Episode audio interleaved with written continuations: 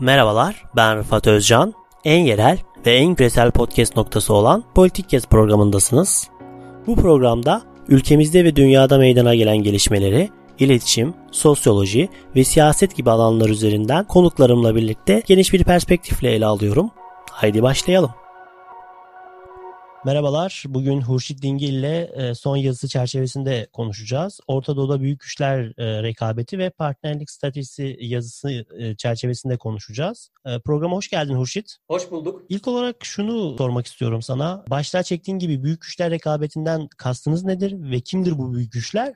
Bir de bu kavramsallaştırmaya neden ihtiyaç duyuldu? Büyük güçler rekabeti aslında uzun dönemden beri olan bir şeyin isimlendirilmesi meselesi nasıl isimlendirilmesi meselesi e, küresel olarak dünya soğuk savaş diye bir e, kavramla periyotlandırıldı, sınırlandırıldı. Ve bu kavram çeşitli dönemin çeşitli dinamiklerini ve değerlerini taşıyordu. Ve böylelikle aslında belirsiz olan belirgin hale getirilmiş. Soğuk savaş sonrası dönem pek bu bunu rastlayamadık. Yani soğuk savaş sonrası dönemde birçok kavramlar, birçok tartışmalar yapıldı ancak bu dönemin net bir ismi yoktu. Hatta uluslararası ilişkilerde sürekli bu dönemin adı Soğuk Savaş sonrası dönem olarak adlandırılıyordu. Yine belirleyici olan şey yine Soğuk Savaş'tı. Ama şimdi bu içine girdiğimiz yeni dönem özellikle pandemi sonrası yeni bir vurguyu ortaya çıkarttı. Bu vurgunun ismi de Büyük Güçler Rekabeti dönemi. Peki neden Büyük Güçler Rekabeti dönemi? Çünkü Soğuk Savaş sonrası dönemde yeni güçlerin ortaya çıktığı ileri sürülüyordu ve çok kutuplu bir dünyadan bahsediliyordu. Ama e, gö- bizim gördüğümüz öyle olmadı. Yani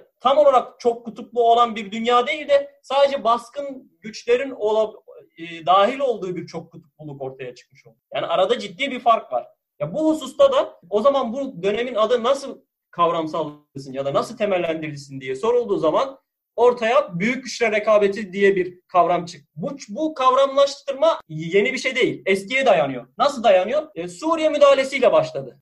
Amerika'nın özellikle Suriye'de etkisinin azalmasıyla beraber 2015'te Rusya'nın Suriye müdahalesi bu işin başlangıcı olarak kabul edilmeye başladı. E, bu yüzden Rusya'nın e, sürece dahil olmasıyla beraber Obama döneminden bu yana da Çin'in özellikle Asya'daki etkinliğinin artması ve aktivitelerin artması bunun pandemi sonrası ve pandemi öncesi olmak üzere Orta Doğu'da da aynı etkiyi göstermesi durumu bu dönemin isminin büyük güçler rekabeti dönemi olmasına neden oldu. Artık belirsizlik döneminden çıktık. Peki anladım. Yine başlığa çektiğiniz gibi bu ABD'nin partnerlik stratejisi nedir ve bu rekabette nerede konumlanıyor? Bunun hususları nelerdir? ABD'nin partnerlik stratejisi de esasında yeni girdiğimiz dönemi önceleyen bir strateji ve bu bağlama yönelik ortaya çıkartılan bir ürün. Neden? Çünkü e, içinde bulunduğumuz dünyanın şartları, özellikle bölgesel şartlar değişmesiyle birlikte ABD de bu şartları dikkate alan bir aktör olarak yeni bir ürün ortaya çıkartmak durumunda. Hatta bu zorunluluk. Devletler varlıklarını sürdürmesi için bağlamın şartlarına göre davranmalılar. Bu hususta da ABD'nin, Amerika'nın üretmiş olduğu ürün partnerlik stratejisi oldu. E, bu e, ürün olan partnerlik stratejisinin hususları nelerdir? Yani temel çerçevesi nasıldır diye soracak olursak esasında partnerlik stratejisinde gördüğümüz bazı temel özellikler var. Bunlardan birisi stratejinin ana unsurunun değişmesi. Önceden vekil güçlerdi aslında. Amerika'nın bölgedeki politikalar bu vekil güçlerin etkileri ve eylemleri üzerinden şekilleniyordu. Ama şu an yeni girdiğimiz bağlamda Amerika aktörleri devlet olarak seçmeye başlayacak.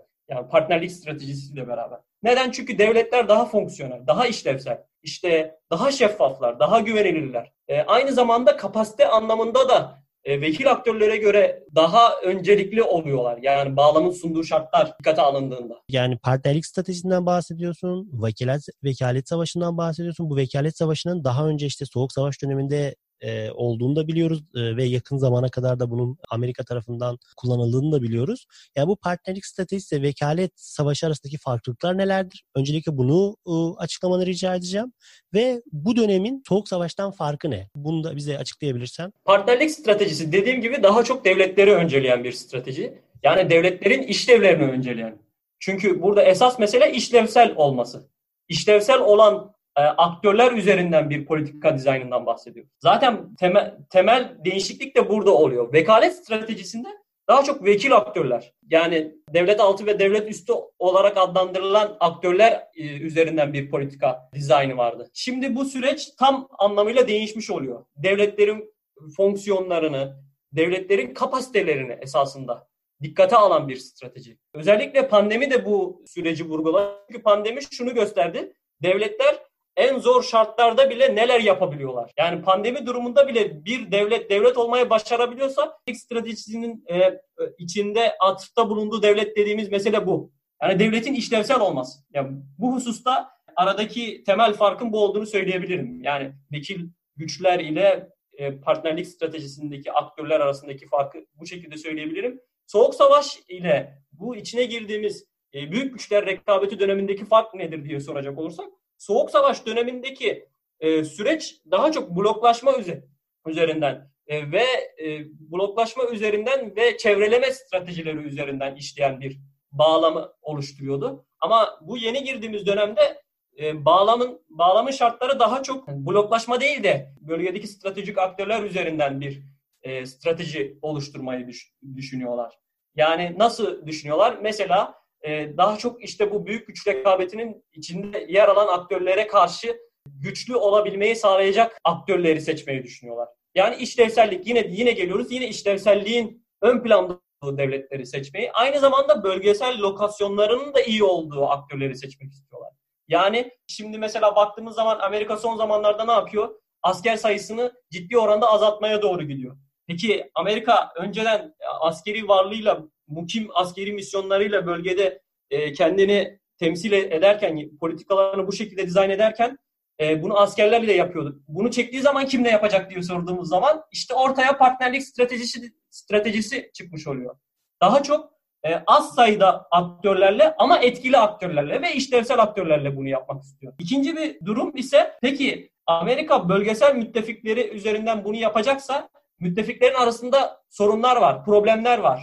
Biz bu problemleri nasıl çözeceğiz diye sorduğumuz zaman çünkü büyük güçler rekabeti dönemi geliyor ve biz bir şekilde zafiyet olmadan bu rekabete çıkmamız lazım ve bu yarışta kendimizi e, karşı tarafa zafiyet sunmayacak şekilde dizayn etmemiz lazım. E, bu hususta da müttefiklerin arasındakileri giderebilecek baskın bir dikta ortaya çıkmış oluyor. Özellikle partnerlik stratejisinin şartlarını yerine getirmek amacıyla. Yine e, bu son soruyla bağlantılı olarak Pompeo'nun ilan ettiği Demokrasilerin Yeni İttifakı projesinden bahsediyorsunuz yazınızda. Bu nedir? Ve bütün bunlarla e, bunun ilişkisi nedir? Bu bağlamda da büyük güçler rekabetinin bugünümüzde yaşadığımız bu günlerde bile bir örneğini görebiliyor muyuz? Yani şu an İsrail'in bölgedeki ülkelerle tek tek normalleşmesi e, bununla açıklanabilir mi sizce? Evet tam da önemli bir noktaya e, değindiniz. Çünkü bu partnerlik stratejisinin belki de ilk ürünü o İsrail ve e, Körfez ülkeleri arasında başlayan normalleşme olduğunu söyleyebilirim. Ama bundan önce zaten Mike Pompeo bu durumu açıkladı. Hatta ben yazıda rekabetinin deklar edilmesi olarak, manifestosu olarak değerlendirdim. Yani e, bu Mike Pompeo'nun bir açıklamasında bu işte e, normalleşme anlaşmalarının başlamadan ön, önce olan bir süreçten bahsediyoruz. Bu süreçte Mike Pompeo artık yeni demokrasilerin İttifakı diye bir projeden bahsediyor. Ve bu projenin işte Çin'i hedef aldığını daha çok yani açıklamadan anladığımız üzere Çin'i hedef aldığını ve Çin'e karşı aynı zamanda Rusya'ya karşı Amerikan müttefiklerini güçlendirmek üzerine kurulan, onlarla olan bağları düzeltmek, güçlendirmek, işlevsel hale getirmek, hatta stratejik hale getirmek de diyebiliriz. Bu tam olarak işte büyük güçler rekabetinin bir deklarasyonu niteliğinde. Mike Pompeo'nun yapmış olduğu Yeni Demokrasilerin İttifakı adlı e, açıklama bu konuda çok kritik bir yere sahip. E, bununla birlikte tam işte bu açıklama yapıldı. Yani zanne, zannımca arasında bir ay var. Bir ay sonra hemen biz işte Orta Doğu'da özellikle Körfez'de normalleşme anlaşmalarını gördük İsrail'le. Ve Orta Doğu'nun kadim sorunları ya da çok eski sorunları olarak bilinen e, İsrail işgalciliği ve Filistin e, üzerin İsrail-Filistin çatışmaları üzerinden devam eden bir sorun olmasına rağmen bu sorun e, sanki hiç böyle bir şeyler yaşanmamış gibi bir hale getirildi ve müttefikler güçlendirilmeye çalışıyor. Esasında mesele bu. Yani Amerika işte bir, bir büyük güçle rekabeti diye bir döneme giriyor. Bu dönemin gayet farkında ve bu bu dönemde de bir kendini e, güncelleştirmeye ihtiyacı var. Yani bunu gidip de Çin'le işte PKK ile YPG ile falan bunlarla gidip de Çin'e karşı mücadele edemez. Amerika bunu gayet çok iyi biliyor. Yani işte esas nokta bu. E bunun için de ne yapıyor? Özellikle bölgesel anlamda önemli gördüğü aktörleri müttefikleri de diyebiliriz. İşte müttefikleri hem birbirlerinin bağlantısını güçlendiriyor. E, çünkü büyük güçler rekabeti döneminde görebileceğimiz özellikle dizayn süreci işte bu stratejik aktörler arasındaki bağlar, lokasyonlar üzerindeki bağlar üzerinden oluşuyor. Yani Soğuk Savaş dönemindeki gibi bloklar değil. Yani bu anlamda lokasyon önemlidir diyoruz. Mesela Türkiye'nin lokasyonu çok önemli gibi. Hindistan'ın e, bu e, Asya'da mesela Çin'e karşı Hindistan'ın konumu çok önemli gibi yani. Aynı zamanda Ru- Rusya'ya karşı yine Türkiye'nin e, konumu çok önemli. Özellikle işte hem Suriye meselesinde olsun hem de Libya'daki meselede olsun. Amerika zaten bölgede varlığını ifade etmezken burada varlığını kimle ifade edecek diye soru sorduğumuz zaman akıllara Türkiye geliyor. Anladım bir de bu stratejinin ilkelerinden biri de kendi müttefiklerin arasındaki ilişkiyi de geliştirmeye doğru ıı, adımların da atılacağını söylediniz ve işte İsrail normalleşmesini de buraya bağlayabiliriz. Peki bu bağlamda yani İsrail ile Türkiye arasında bir normalleşme beklememiz olası mıdır? O olsa bile ne şekilde olabileceğini e, öngörüyorsunuz? Mevcut devam eden bu normalleşme anlaşmaların Türkiye'nin dahil olabileceğini düşünmüyorum. Yani bu normalleşme anlaşmalarına karşı Türkiye'nin dur e, vermiş olduğu tepkiyi e, Türkiye'nin kırmızı çizgisi olarak değerlendiriyorum. Yani Türkiye bundan kolay kolay vazgeçmez. Yani özellikle Kudüs meselesinden Türkiye'nin vazgeçeceğini düşünmüyorum. Aynı zamanda aynı zamanda İslam coğrafyasının sorunlarından da Türkiye'nin vazgeçeceğini düşünmüyorum. Peki nasıl olacak da Amerika'nın müttefiği olan Türkiye diğer müttefiklerle anlaşma anlaşma içinde olan sorunlara rağmen. İşte asıl soru burada. Bu soruya cevap verdiğimiz zaman ortaya şöyle bir şey çıkıyor. Bilhassa mesela Doğu, Doğu Akdeniz'de devam eden der, gerginliğin nihai sonuçlarında çıkan gazın bir şekilde Avrupa Birliği'ne ulaşması gerekiyor. Ama bu bu gaz nasıl ulaşacak diye sorarsak coğrafyanın Türkiye'ye vermiş olduğu ciddi bir avantaj var. Ve bu avantaj bir gerçeklik. Hiç kimse bu gerçekliği göz ardı edemez. E, bu hususta Türkiye ile İsrail arasında kompartımansal kompartımantal ilişkilerin gelişebileceğini düşünüyorum. Yani örneğin Suriye örneğinde olduğu gibi. Suriye meselesinde liderler doğrudan görüşmüyor. Farklı teknik e, görüşmeler üzerinden konulara ilgiler gösteriliyor. Aynı şey İsrail'le de olabileceğini düşünüyorum. Bu demek değil Türkiye'nin kırmızı çizgilerinden vazgeçtiği, Kudüs'ten vazgeçtiği ya da İslam coğrafyasının sorunlarından vazgeçtiği anlamına gelmiyor. Daha çok coğrafyanın vermiş olduğu avantajı kullanacak Türkiye. Hatta bu Türkiye için güçlü bir koz. Yani bu açıdan normalleşme anlaşmasına dahil olmayan bir Türkiye olmakla birlikte e, coğrafyanın avantajını kullanan bir Türkiye'de görebileceğimizi düşünüyorum. Peki yani burada yine İsrail ve Türkiye ilişkisinden ve normalleşme ihtimalinden bahsetsek de ben özellikle Türkiye için bu partnerlik stratejisindeki avantaj ve dezavantajları da sormak istiyorum. Yani İsrail dışında da Türkiye bu stratejide nerede konumlanıyor ve e, ne gibi avantajları dezavantajları var size göre? Türkiye özellikle sahip olmuş olduğu askeri kapasitesiyle bölgede değerli bir güç. Ben de yazıda bunu ifade ettiğim üzere işlevsel bir güç. Ve Amerika'nın partnerlik stratejisinde de e, atıfta bulunduğu güçlevsel olan güçler, büyük güçler rekabetindeki başarının temel nedeni olacak. Ve o işlevsel güçler arasındaki o e, işlevsel lokasyonlar arasındaki bağlantı bu büyük güçler rekabetinin başarısı olacak. Ve bu rekabette başarının ne getireceğini de Amerika biliyor. E, bu bildiği için de Türkiye'nin da özellikle avantajlı olduğunu düşünüyorum. Özellikle askeri kapasitesiyle birlikte son zamanlarda bir İHA SİHA gücü olarak sergilediği başarıyla beraber bölgede açık ara önde bir askeri güç olması açısından Türkiye e, önemli bir işlevsel güç örneği. Ve bu hususta Amerika'nın rekabetinde e, belki de değerli bir yerde olacak. Yani Amerika'nın Çin, Rusya gibi ülkelerle rekabetinde değerli bir yerde olacak. Ama bu demek değil. Amerika böyle bir şeyi uygun görüyor. İşte Türkiye bu buna onay verecek anlamında değil. Çünkü Türkiye e, sahip olduğu son zamanlardaki askeri güç yani reel realde gördüğümüz güç dinamikleri üzerinden ille Amerika tarafında olacak diye de bir e, şey olduğunu düşünmüyorum. E, bu hususta Türkiye'nin de kararlarının önemli olduğunu düşünüyorum. Özellikle büyük güçler rekabeti döneminin dinamikleri dahilinde. Son olarak da şunu sormak istiyorum yani e, büyük güçler rekabeti kavramsallaştırmasından bahsediyorsunuz. Bu kavramsallaştırmanın çıkış noktası anladığım kadarıyla Amerika.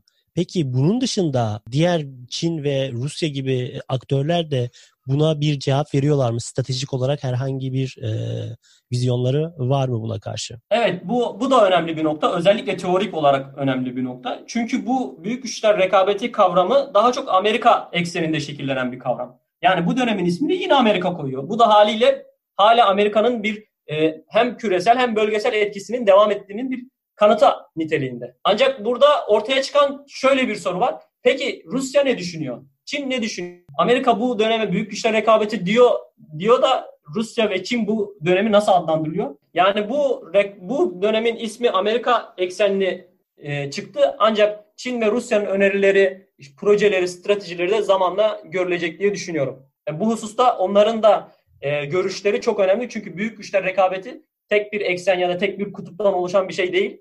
Diğer aktörlerin de e, sunmuş olduğu değerler bağlamın dinamiklerini şekillendirecek diye düşünüyorum. E, teşekkür ederim. Burada benim sorularım bitti ama son olarak da sizin eklemek istediklerinizi de dinlemek isteriz. Öncelikle Rıfat Bey ben teşekkür ederim programınıza davet ettiğiniz için. Aslında eklemem eklemem gereken bir özet mahiyetinde bazı değerlendirmeler var. E, bunlardan birincisi yeni girdiğimiz bir dönem var ve bu dönemin ismi Büyük Güçler Rekabeti. Ve bu Büyük Güçler Rekabeti aynı Soğuk Savaş gibi 40-50 yıl sürecek bir dönem. Ya bu anlamda e, ve ilk defa Soğuk Savaş'tan sonra bu bağlamın bir bu dönemin bir ismi var ve onun adı da Büyük Güçler Rekabeti. Diğer taraftan Amerika'da büyük güçler rekabeti döneminin gayet farkında ve bu koşullara uygun stratejiler üretiyor. Bundan önce uygulamış olduğu hem bölgesel hem küresel politikalarından politikalar politikalarının dersler yoluyla e, yeni bir ürün ortaya sunuyor. Bu sunduğu şeyin adı da partnerlik stratejisi esasında. Diğer taraftan bu partnerlik stratejisini uygulaması için de özellikle bu bağlam diliminde e, şartlar dikkate alındığında e, müttefikleri arasında problemler olmaması lazım. Yani e, birbirleri müttefiklerin birbirleri arasında e, sorunlu ilişkiler ilişkilerin olması demek büyük güçler rekabetinde bir zafiyet anlamına geliyor.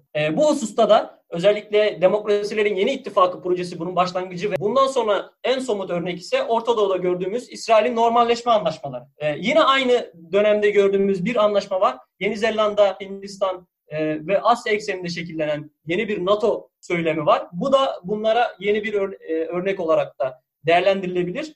E, diğer taraftan peki Türkiye'de Amerika'nın bir müttefiği dedik. E, bu müttefik olmasına o, o, o müttefik Amerikan Türkiye Amerika müttefiği olduğu için haliyle partnerlik stratejisinde bir diğer müttefiğiyle ilişkisinde problem olmaması bekleniyor.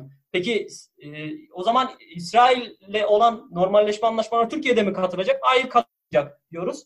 Burada Türkiye kendi münhasır, nevi şahsına münhasır değerlerinin ve coğrafi avantajlarının yoluyla e, burada kompartımantal bir ilişki örneği sergileyecek ve böylelikle böylelikle de kırmızı çizgilerinden vazgeçmemiş olacak diye düşünüyorum. Çok teşekkürler tekrardan programa katıldığınız için. Bu e, programımız burada bitiyor. Çok önemli bir konu üzerine geniş çerçeveden bu konuyu ele almaya çalıştık. Önemli bir program olduğunu düşünüyorum. Bizi dinlediğiniz için teşekkürler. Kulağınız bizde olsun. En yerel ve en küresel podcast programı Politik Kesti dinlediniz. Bizi Spotify, Apple Google Podcast üzerinden ve sosyal medya hesaplarımızdan takip etmeyi unutmayın. Yeni başlıklar ve konuklar için kulağınız bizde olsun.